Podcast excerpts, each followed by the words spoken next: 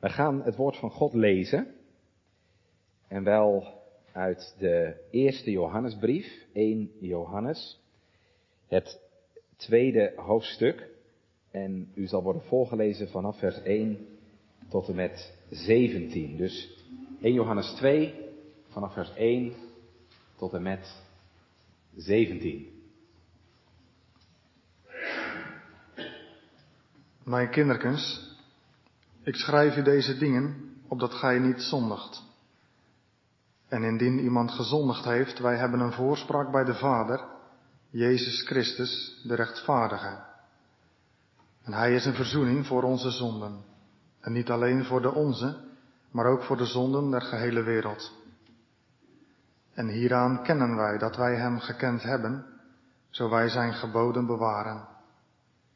Die daar zegt, ik ken hem, en zijn geboden niet bewaart, die is een leugenaar.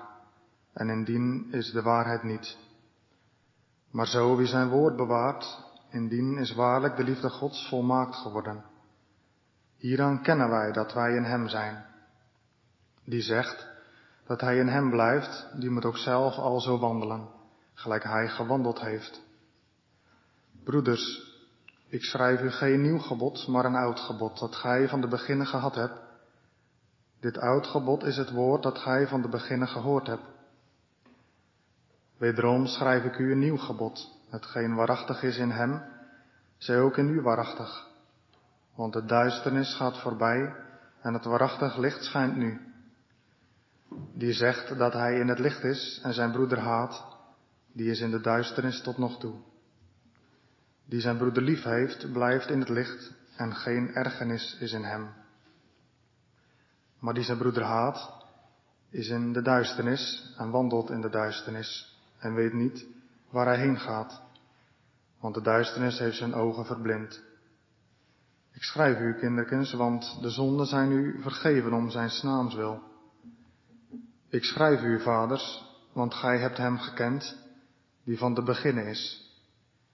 Ik schrijf u, jongelingen, want gij hebt de boze overwonnen. Ik schrijf u, kinderen, want gij hebt de Vader gekend. Ik heb u geschreven, vaders, want gij hebt hem gekend, die van de begin is. Ik heb u geschreven, jongelingen, want gij zijt sterk en het woord Gods blijft in u. En gij hebt de boze overwonnen. Heb de wereld niet lief, nog hetgeen in de wereld is. Zo iemand de wereld lief heeft, de liefde des vaders is niet in hem.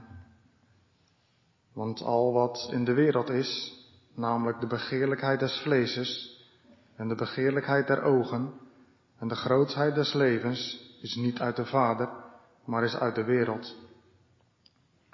En de wereld gaat voorbij en haar begeerlijkheid, maar die de wil van God doet, blijft in der eeuwigheid.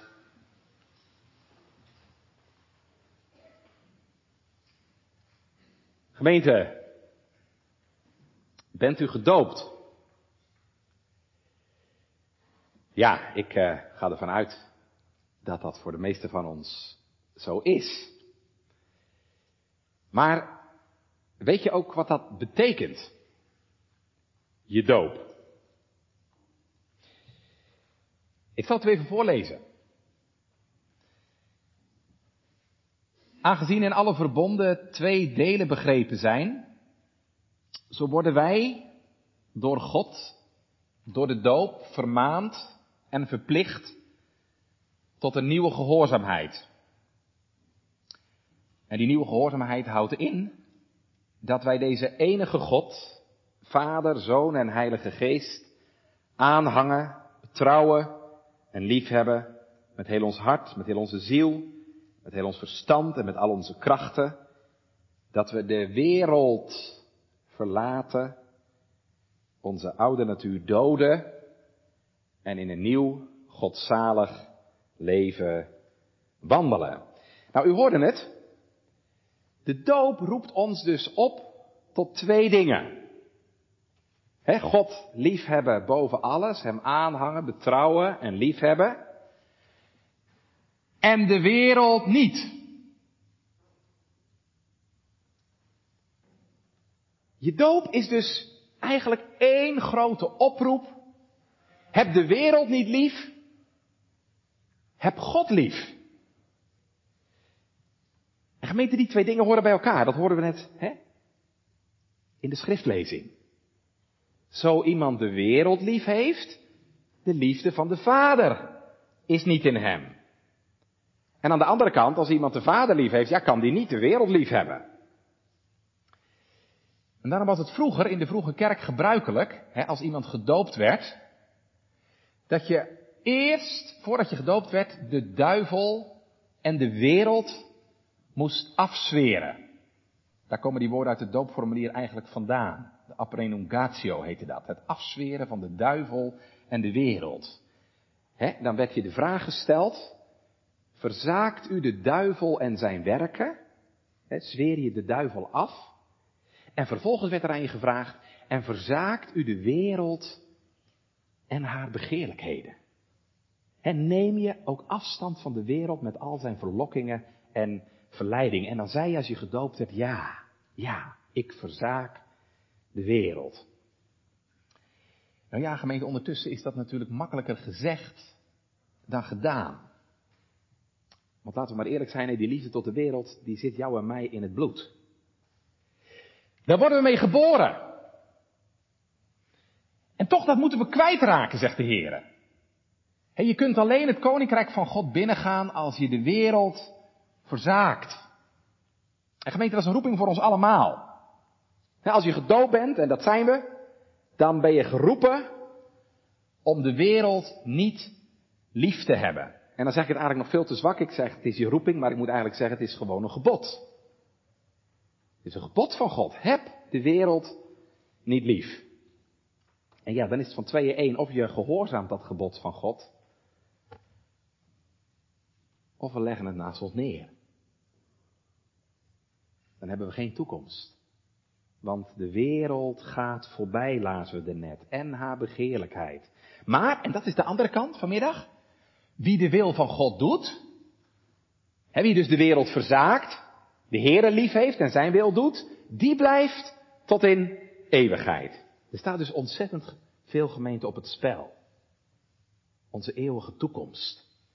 En daarom wil ik vanmiddag met u graag stilstaan bij dit goddelijke gebod, bij deze goddelijke opdracht die we vinden in 1 Johannes 2, vers 15 tot en met 17. Heb de wereld niet lief. En gemeente, wij hebben het, en daar zal iedereen denk ik over eens zijn, we hebben het vanmiddag natuurlijk over een uiterst actueel onderwerp. Want ik geloof dat er nog nooit een tijd is geweest dat de wereld zo dichtbij is als vandaag.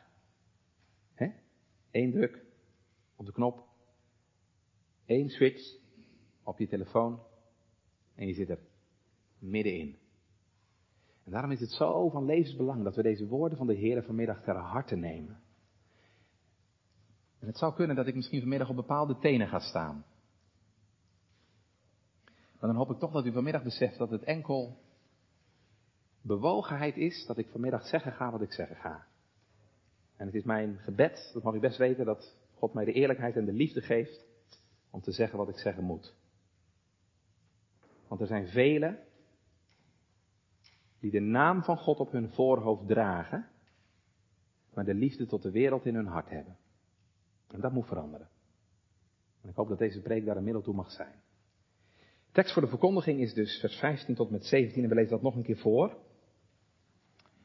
Heb de wereld niet lief, nog hetgeen in de wereld is. Zo iemand de wereld lief heeft, de liefde van de Vader is niet in hem.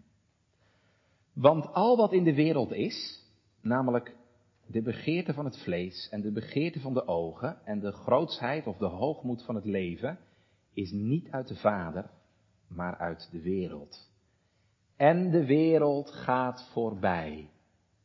En haar begeerlijkheid. Maar wie de wil van God doet, die blijft in der eeuwigheid. Het gaat dus vanmiddag gemeente over een goddelijke opdracht. En die opdracht luidt, heb de wereld niet lief. We gaan in de eerste plaats kijken wat er met die wereld bedoeld wordt. Wat wordt er met de wereld bedoeld en wat niet? We kijken in de tweede plaats gemeente waar je die wereld aan herkent. We letten in de derde plaats erop waarom je de wereld niet lief mag hebben. En tenslotte staan we erbij stil hoe we wel in de wereld dienen te staan.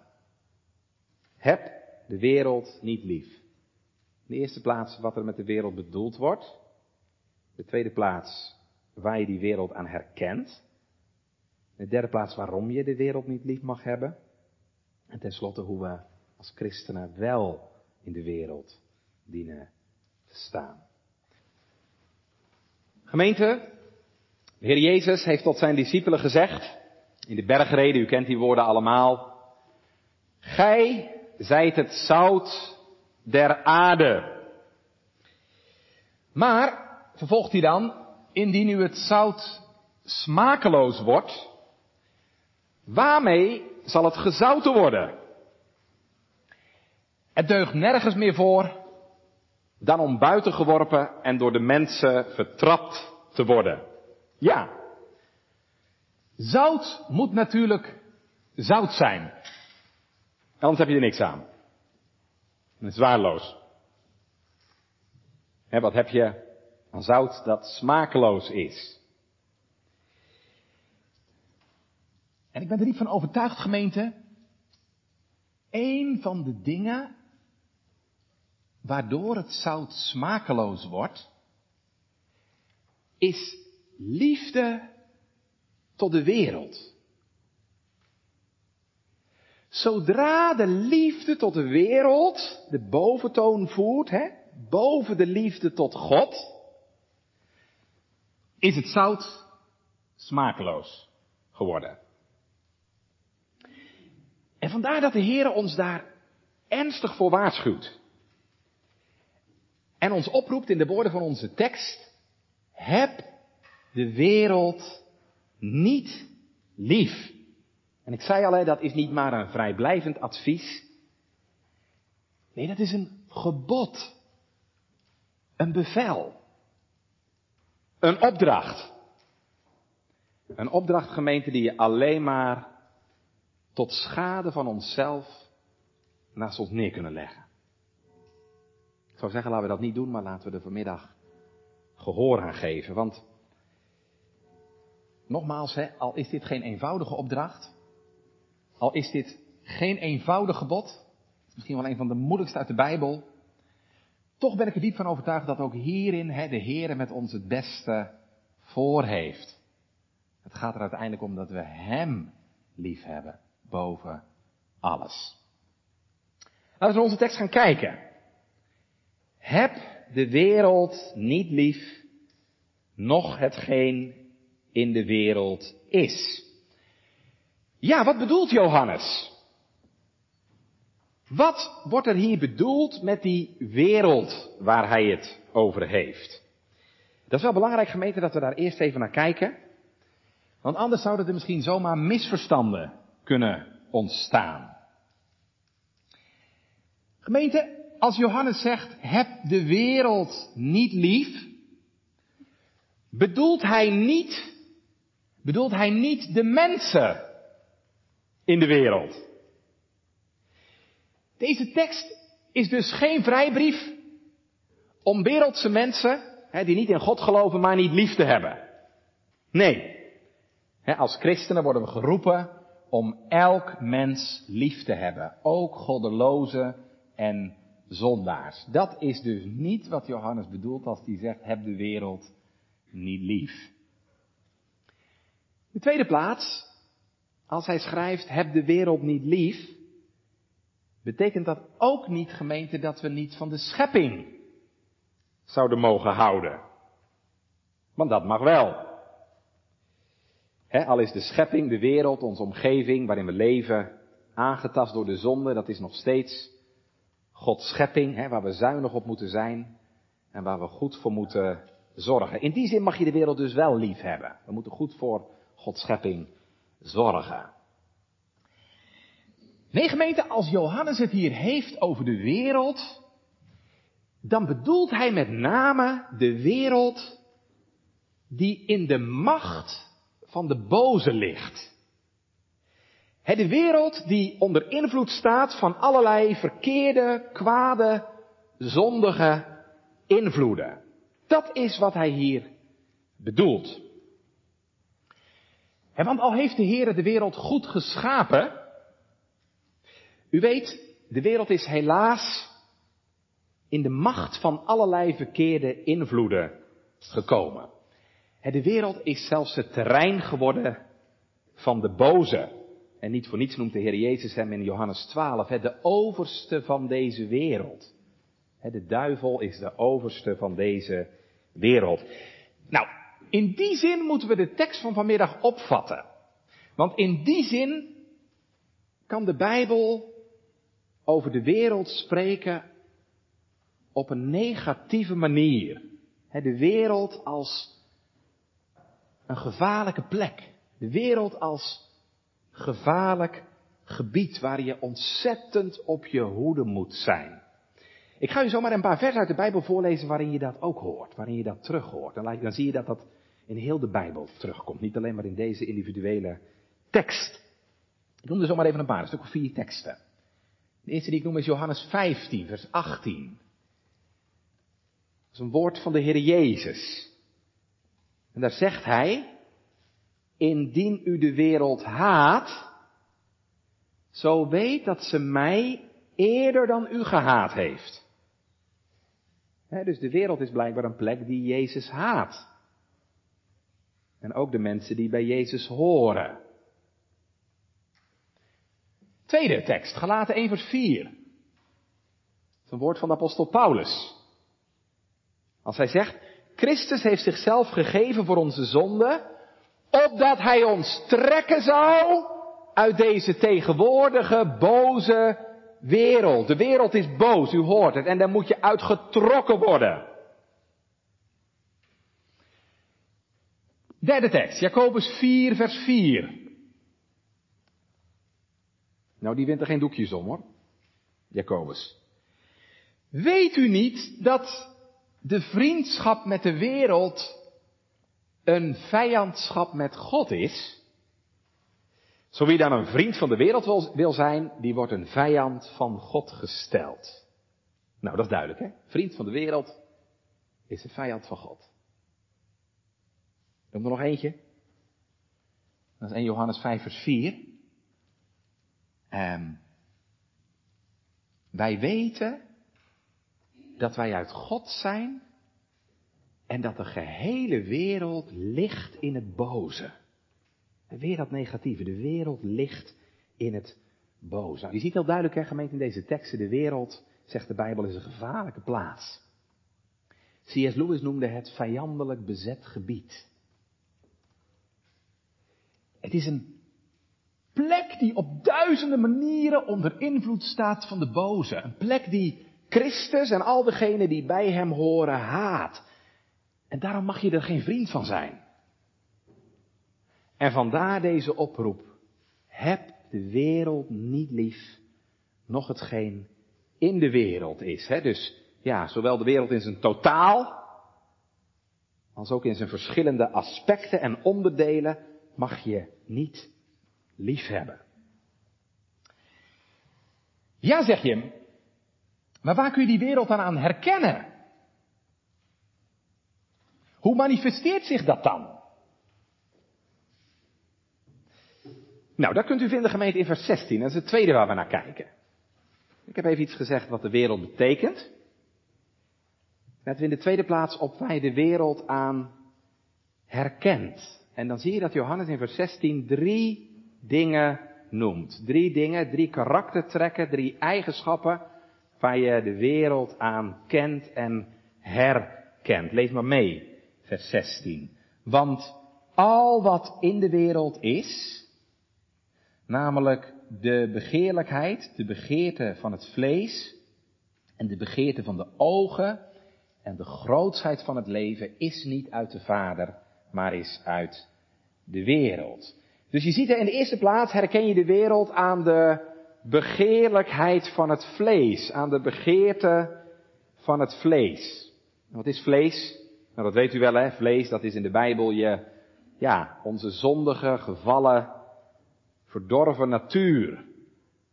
Waardoor wij van alles begeren wat God niet wil en wat ook niet goed voor ons is. En denkt u maar aan het tiende gebod, we hebben het vanmorgen nog gehoord, hè? Gij zult niet begeren.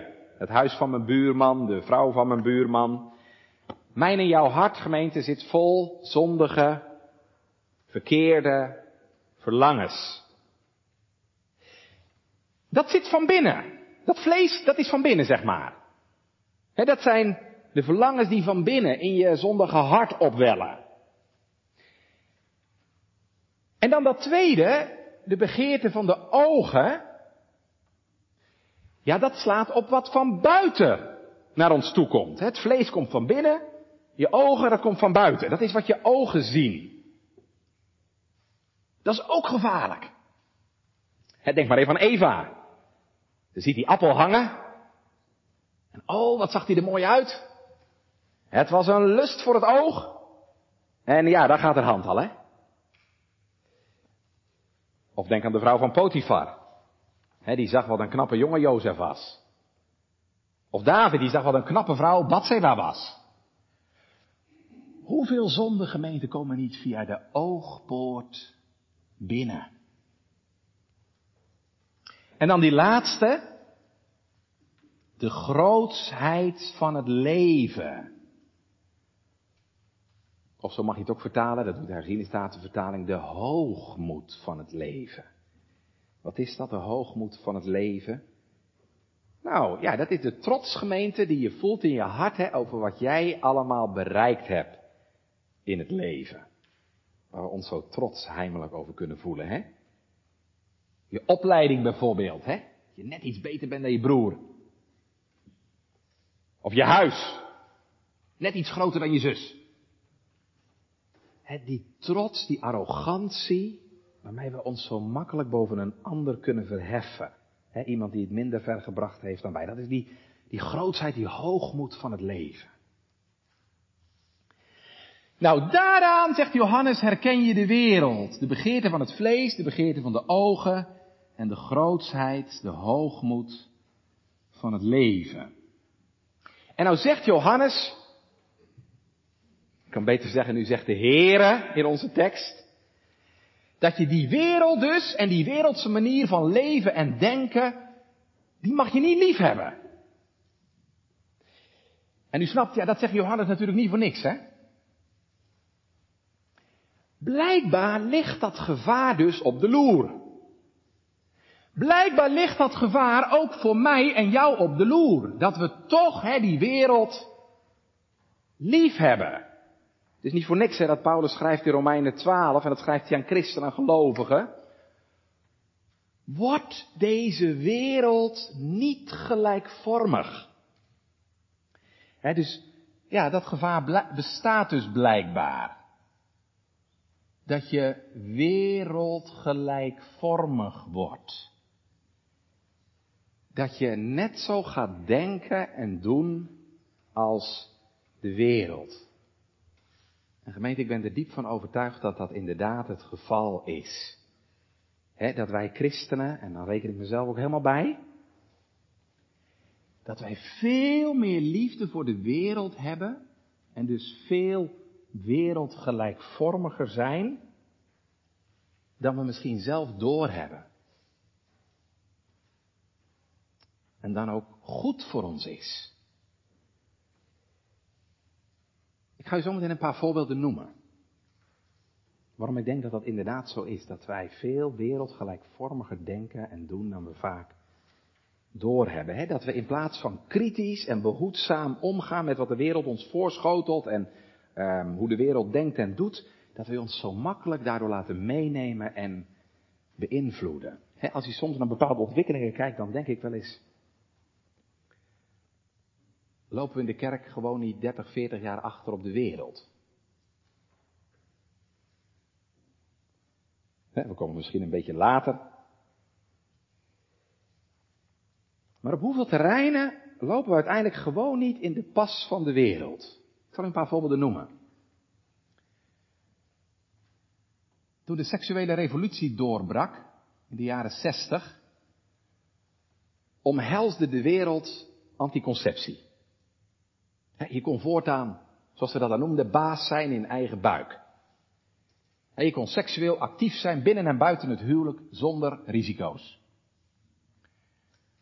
Rooms-Katholieke Kerk heeft al heel vroeg het gevaar daarvan gezien en daartegen gewaarschuwd. Ook dat veroordeeld als strijdig met Gods bedoeling en de schepping. We zijn inmiddels 60 jaar verder. En driekwart van de gereformeerde heeft het ook geaccepteerd. En dan heb ik het niet over mensen bij wie dat, ja, om medische of psychische redenen misschien nodig is. Hè? Ik ben bang dat we vaak veel gemakzuchtiger en onverschilliger daardoor worden dan goed voor ons is. En dat zomaar, zonder al te veel discussie, diep ingrijpende zaken stilzwijgend geaccepteerd worden. Nou, ik het toch over seksualiteit heb. Wat zijn er ook op dit terrein, gemeente, veel panelen omgegaan? Jong meisje, jonge vrouw uit mijn vorige gemeente, nou ja, gewoon, hè, doorsnee bondsgemeente, vertelde me hoe vreemd haar vrienden het vinden als je niet met elkaar naar bed gaat. Kerkelijke vrienden. En hoe vreemd er op haar gereageerd werd toen ze op vakantie niet op dezelfde hotelkamer wilde slapen als haar vriend. Dan is het toch niet vreemd meer dat de helft van onze jonge mensen die God zegen over hun huwelijk willen vragen al met elkaar naar bed is geweest? Wat beseffen wij dan nog van de heiligheid van seksualiteit en de heiligheid van God?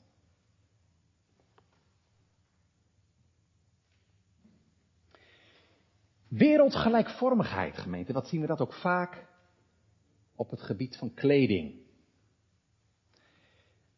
En ik ga vanmiddag echt niet zeggen wat allemaal wel kan en wat allemaal niet kan. En wat op het randje is en wat niet. Daar gaat het helemaal niet om.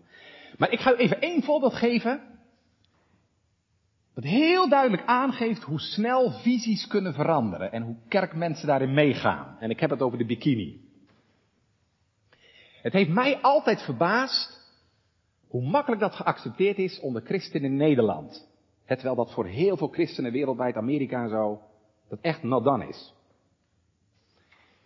Je weet misschien wel, de bikini is in 1946 ontworpen door een Franse modeontwerper, Louis Réard. Maar wist u, toen dat ding klaar was, dat er in Frankrijk niet één model bereid was om hem te dragen? Zo ongepast vonden ze het. Het was uiteindelijk een Franse naakdanseres, Micheline Bernardini, die als enige bereid was zich zo te vertonen.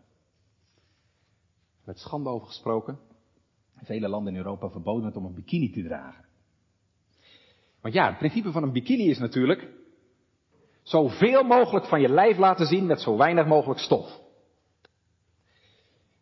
Nou ja, we zijn inmiddels 60, 70 jaar verder. En 80% van de badmode die verkocht wordt bestaat uit bikinis. En het is soms bijna moeilijk om voor je kinderen nog een fatsoenlijk badpak te vinden. En je moet ze de kost niet geven in onze kerken die ermee lopen. En gemeente zien we diezelfde sluipende aanpassing ook niet als het gaat over media en muziek. Kijk hoeveel christenen installeren niet klakkeloos Netflix op hun computer of telefoon. Weet je ook wat het beleid is van Netflix? Een hele populaire serie, die momenteel op Netflix te zien is en die door honderdduizenden jongeren bekeken wordt, met name heel populair is onder jongeren, is de tienerserie Sex Education. Sex Education, dat gaat over allerlei jongeren die op allerlei manieren experimenteren met seks. Heteroseks, homoseks. En achter die serie zit een hele bewuste strategie van Netflix achter. Ik las het in de trouw vorige week. Hun doel is te komen tot volledige acceptatie van alle vormen van seksualiteit. Vanuit het principe van, zoals ze dat dan zo mooi noemen, vanuit het principe van inclusiviteit en diversiteit. Wat erop neerkomt dat alles voor iedereen moet kunnen. Dat is Netflix. Dan weet je waar je op abonneert. En als het gaat om muziek. Het is nog niet zo lang geleden dat Gert-Jan de Jong van het LCJ, Christelijk Geformeerde Jongerenorganisatie, een artikel schreef met als kop Leeuw Kleine doet het goed op onze Refo-scholen.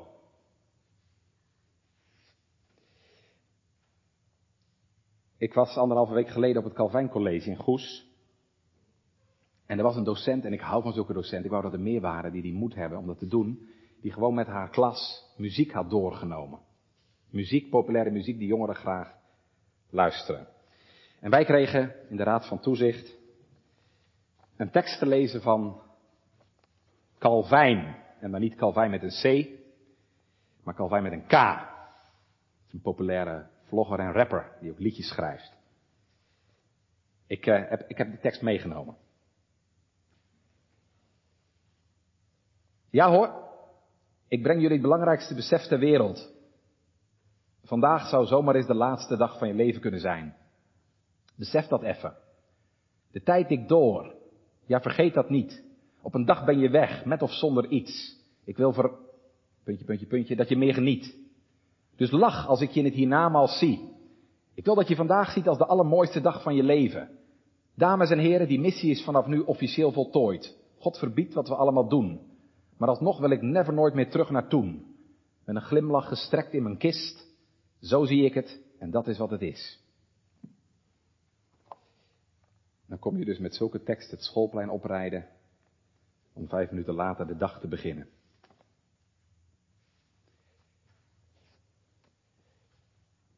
Ik besef gemeente dat ik best wel even wat op uw bordje leg, hè? Maar ik hoop zo dat we gaan zien hoe het komt. Hoe het komt dat in plaats van dat wij een zoutend zout zijn dat de wereld beïnvloedt, wij zelf op zoveel manieren door de wereld beïnvloed worden en daardoor zo smakeloos zijn geworden. En waarom? Omdat we de wereld lief hebben en dat wat in de wereld is. Maar de Heere zegt in zijn woord, haat ook de rok die door het vlees bevlekt is. Als de bron niet goed is, kan het water ook niet goed zijn. Daarom moet je altijd kijken uit wat voor bron komt het. Bij alles wat je tegenkomt, bij alles wat je hoort gemeente, bij alles wat je ziet, moet je steeds weer afvragen, ja, uit welke bron komt dit? Al die dingen die ik net noemde op het gebied van seksualiteit, films, muziek. De bron deugt niet. En dan geldt dat ook voor wat eruit voortkomt. En als er één ding vandaag voor ons als kerkmensen en christenen belangrijk is, is dat wij weer kritisch leren worden. De Heer roept ons op, beproef de geesten, of ze uit God zijn. Beproef alle dingen en behoud het goede. Behoud het goede. Maar ja, er is ook veel wat niet goed is. Daarom moeten we voorzichtig en kritisch dingen toetsen in het licht van Gods woord. Want de Heer wil niet dat jij en ik de wereld lief hebt. Waarom niet? Dan gaan we gaan naar onze derde gedachte. Waarom je de wereld niet lief mag hebben. We hebben gekeken wat de wereld betekent. We hebben gekeken hoe zich dat manifesteert. En kijken we nu in de derde plaats, gemeente, waarom je de wereld niet lief mag hebben. Twee redenen noemt Johannes. Kijk even mee. De eerste reden vind je in vers 15. Dat is de eerste. Um, zo iemand de wereld lief heeft, de liefde van de Vader is niet in hem. Wat is dat, de liefde van de Vader? Dat is even belangrijk. Um, het, het, gaat hier dus, het gaat hier niet om de liefde van de Vader voor ons, maar het gaat hier in het Grieks over onze liefde voor de Vader. Het Grieks een constructie noemen de genitivus objectivus. En dat betekent, het gaat dus niet om eh, Gods liefde voor ons zozeer, maar het gaat hier om onze liefde tot God. Dat is wat Johannes bedoelt met die liefde van de Vader. Je mag dus ook lezen, liefde voor de Vader. Dus hij zegt, ja, dat kan niet samengaan. Liefde voor de wereld en liefde voor de Vader, dat gaat niet samen. Als jij de wereld lief hebt, wordt daarmee zichtbaar dat je God niet lief hebt. Hè? Net zo min als je in een huwelijk twee vrouwen of twee mannen kunt liefhebben, zo kun je ook niet en God en de wereld liefhebben. Het is of, of. Dus wie denkt van twee walletjes te kunnen eten, ja, die komt bedrogen uit. Dat gaat niet. Ik zeg dat zelf ook, hè. Niemand kan twee heren dienen. Want hij zal of de een haten en de ander liefhebben. Ik deed het vroeger ook, zondagmiddag. Langs de lijn, voetbalwedstrijden volgen en dan gewoon naar de kerk. Ja. ja maar dat gaat niet gemeente. Dat gaat echt niet. Dat heeft God nog wel laten zien natuurlijk. Niemand kan twee heren dienen. Hij zal of de een haten en de ander liefhebben, of hij zal zich aan de een hechten en de ander minachten. Weet toch nog wel wat je net hoorde bij Jacobus? Wie een vriend is van de wereld, is een vijand van God. Wat is het bij jou? Gemeente, laten we ons toetsen vanmiddag aan deze woorden. Niet ieder die Jezus beleidt met de mond, is ook daadwerkelijk een christen. Jezus zegt, aan de vruchten zul je ze kennen. En een van die vruchten is dus dat je niet de wereld, maar God lief hebt boven alles. En vruchten, ja, die kun je zien, hè? Ja, dat is in je leven ook te zien, gemeente. En andersom ook natuurlijk. Niet iedereen die zegt, Heere, Heere, zal ingaan in het koninkrijk van God, zegt Jezus, maar die daar doet de wil van mijn Vader. En wat is de wil van de Vader?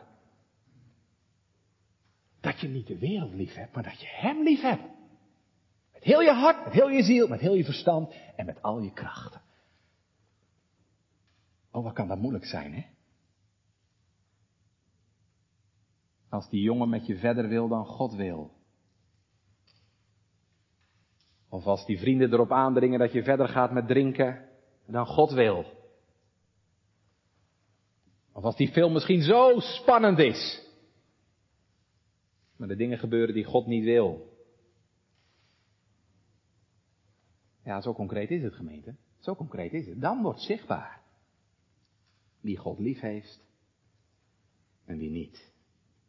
Want als je God lief hebt, dan heb je de wereld niet lief.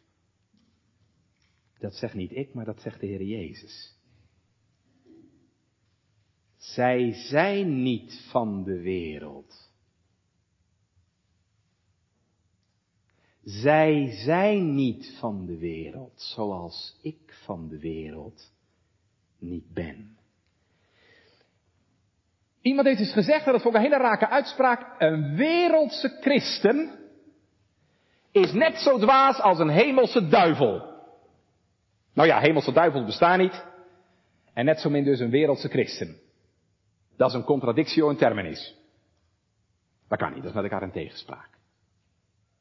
Dus dat is de eerste reden waarom je de wereld niet mag liefhebben. En liefde tot de wereld en liefde tot God, dat sluit elkaar uit. Dat is onverenigbaar. Dat is water en vuur. En de tweede reden waarom je de wereld niet moet liefhebben, die vindt u in vers 17. En de wereld gaat voorbij. En haar begeerlijkheid. De wereld gaat voorbij. Lieve gemeente, op de klok van God is het voor de wereld momenteel vijf voor twaalf. Er ligt in deze wereld een tikkende tijdbom die steeds verder aftikt. En nog even en de bom gaat af. En dan is het voorbij. Dan is het over en uit met deze wereld. Want deze wereld, zegt de Bijbel, staat onder het oordeel van God. Deze wereld staat onder het oordeel van God. Dat is begonnen op Golgotha. Hoor Jezus roepen. Nu is het oordeel deze wereld. Nu wordt de overste van deze wereld uitgeworpen. En toen is de tijdbom gaan tikken. En nog even en hij gaat af. En de hemelen zullen met gedruis voorbij gaan. En de elementen brandende vergaan. En de aarde, de wereld met de werken die daarop zijn. De wereld en de dingen van de wereld.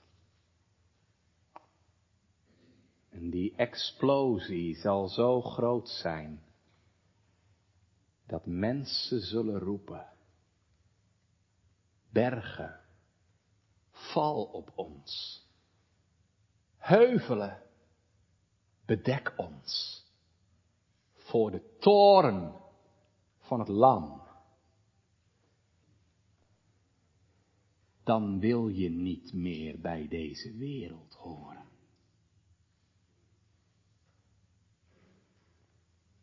Want de wereld gaat voorbij. En haar begeerlijkheid. En ieder die de wereld en haar begeerlijkheid lief had. En daarom beleidt een christen, this world is not my home. Het is niet mijn thuis. Ik ben, o Heer, een vreemdeling hier beneden. Laat uw geboon op reis mij niet ontbreken. Ik ben op doorreis. Want de wereld gaat voorbij. En ik roep het je toe, oh my loving brother, when the world's on fire, don't you want God's bosom to be your pillow? Hide me over in the rock of ages, rock of ages cleft for me. Als die dag komt dat de wereld in brand staat, wil je dan ook niet schuilen gemeente in Gods boezem? Bij die vaste rots van het behoud. Oh, heb de wereld dan niet lief. Maar zoek God lief te hebben boven alles.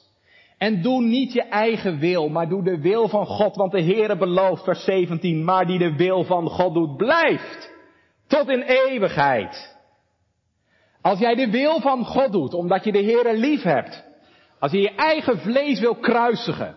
En de wereld niet lief hebben. Gemeente, je blijft tot in eeuwigheid. En als de wereld straks in brand staat. En de bergen vallen en de steenrotsen scheuren, sta je veilig op de rots. Hide me over in the rock of ages, rock of ages, cleft for me.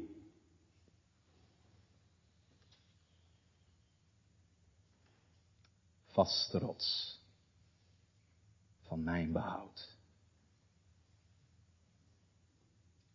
Ja, zegt u dominee. Het is me nou wel duidelijk hoe het niet moet. Maar hoe moeten we dan wel tegenover de wereld staan? Dat is ook een goede vraag.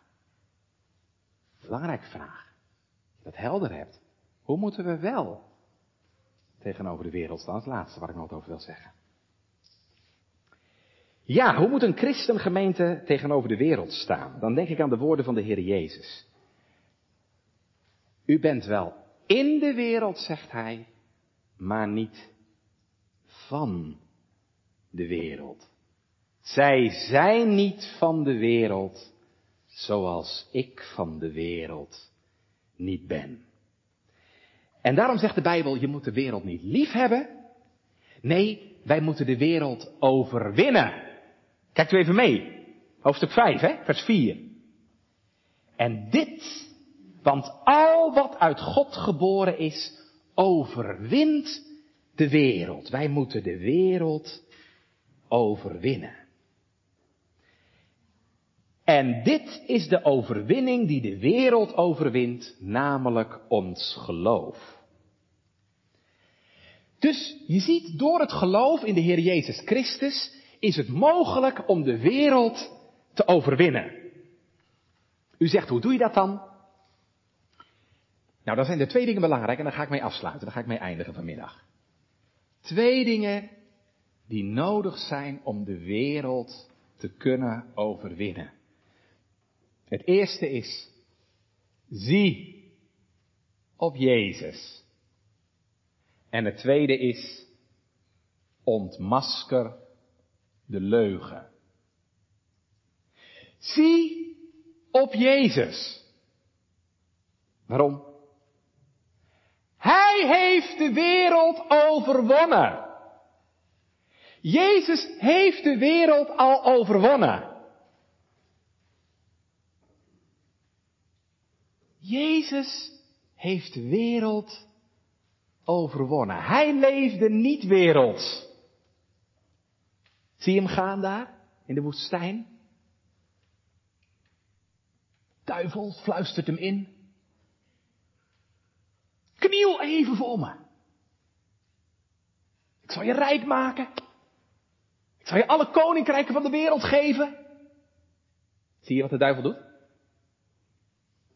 Hij verzoekt hem met de begeerte van de ogen en de grootsheid van het leven. He, eer, rijkdom, macht en status. En wat zegt Jezus?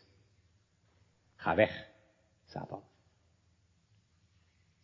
Hij heeft de wereld overwonnen. Dat is het heerlijke nieuws van het evangelie gemeente. De wereld is al overwonnen. Door Jezus. En verbonden aan Hem en ziende op Hem. Mogen wij delen in die overwinning. Kunnen wij overwinnen omdat Hij al overwonnen heeft. In de wereld zul je verdrukking hebben, ja dat is waar. Maar heb goede moed, ik heb de wereld overwonnen. En verbonden aan de Heer Jezus mag je delen in die overwinning. En mag je weten, want God is ons ten schild in het strijdperk van dit leven. En mag je het zingen. Ik bouw op u mijn schild en mijn verlosser. Niet eenzaam ga ik op de vijand aan. Sterk in uw kracht, gerust in uw bescherming. Ik bouw op u en ga in uw naam. En dit is de overwinning die de wereld overwint, namelijk ons geloof. Dat is de eerste.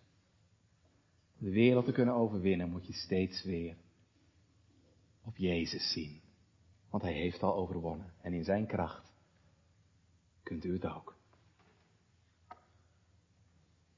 En het tweede wat je moet doen, gemeente, om de wereld te overwinnen. Ontmasker de leugen. Wat bedoel ik daarmee? Nou, heel simpel. Alles wat de wereld ons belooft, alles wat de wereld jou belooft, kan ze helemaal niet waarmaken. Dit is de sleutelgemeente, die, die moet u echt goed onthouden. Alles wat de wereld je belooft, kan ze helemaal niet waarmaken. Engelse puritein Richard Sips zegt zo mooi, alle aardse dingen zijn als zout water, dat je dorst vergroot, maar niet verzadigt. Nee hè, hoe meer zout water, hoe meer dorst je krijgt. En zoals met de aardse dingen ook. Alles wat de wereld ons belooft, kan ze helemaal niet waarmaken. De wereld belooft je rijkdom. Wat kun je daarmee in het uur van je dood? Je moet allemaal loslaten. De wereld belooft houvast. Dan kan het je helemaal niet geven. Kijk maar waar we nu doorheen gaan in deze coronatijd. De wereld belooft houvast, maar kan het je helemaal niet geven. He, want je gezondheid is ongewis. Uw baan kan volgend jaar op de tocht staan. Je relatie kan stuk gaan. Je man kan ziek worden of overlijden. Wat voor zekerheid kan deze wereld en het leven je eigenlijk geven? Zie je? Al wat de wereld belooft, kan ze helemaal niet waarmaken. Rijkdom, relaties, seksueel genot, eten, drinken, welvaart. Of het laat jou los, zeg ik wel eens, of jij moet het loslaten.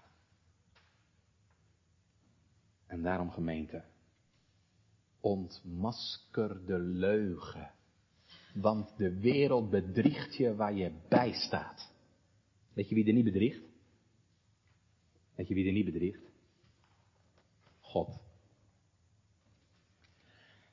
Alles wat de wereld belooft, maar niet waar kan maken. Alles waar je hart zo diep naar verlangt, vindt u in God gemeente en oneindig, oneindig veel meer. Een schat in de hemel.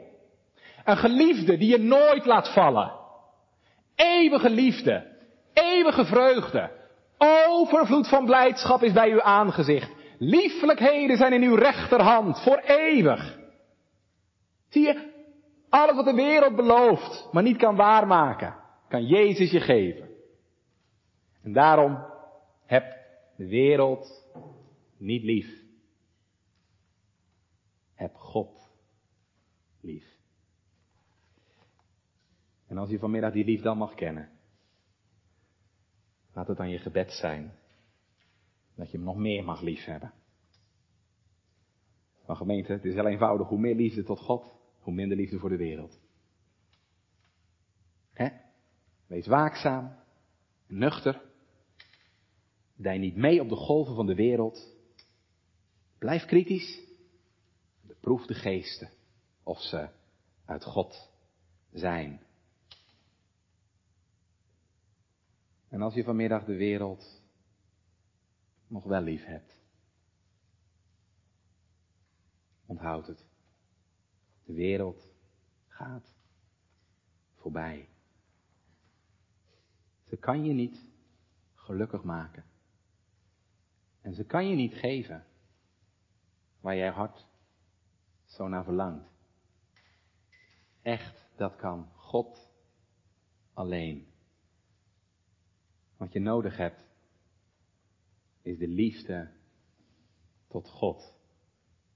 En ik weet het natuurlijk, dat kun je zelf niet maken, maar dat kan God u wel geven.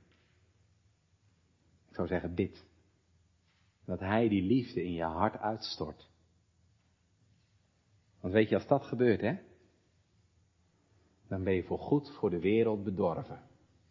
Dan ben je voor goed voor de wereld bedorven. Al mijn voetbal internationals gingen echt de kliko in hoor. Toen de Heer in mijn leven kwam. Dan ben je voor goed bedorven. Ze zeiden vroeger wel eens, dan wordt de brug naar de wereld opgehaald. En zo is het. Daar heb je helemaal geen trek meer in. Omdat je ziet dat Jezus alles heeft. Omdat je ziet dat Jezus alles geeft wat de wereld je niet geven kan. Zoals Augustinus het al zei, hè. Onrustig is ons hart, totdat het rust vindt in God. En als dat zo is, als je rust mag vinden bij God, ja, dan mag je ervaren wat de Heer Jezus zegt. Ik ben gekomen opdat zij leven en overvloed zouden hebben. Dat is wat Christus ons biedt. Leven en overvloed. En dan mag je het beleiden. Weg, wereld. Weg, schatten. Je kunt niet bevatten hoe rijk dat ik ben. Ik heb alles verloren, maar Jezus verkoren, wiens eigen ik ben. Amen.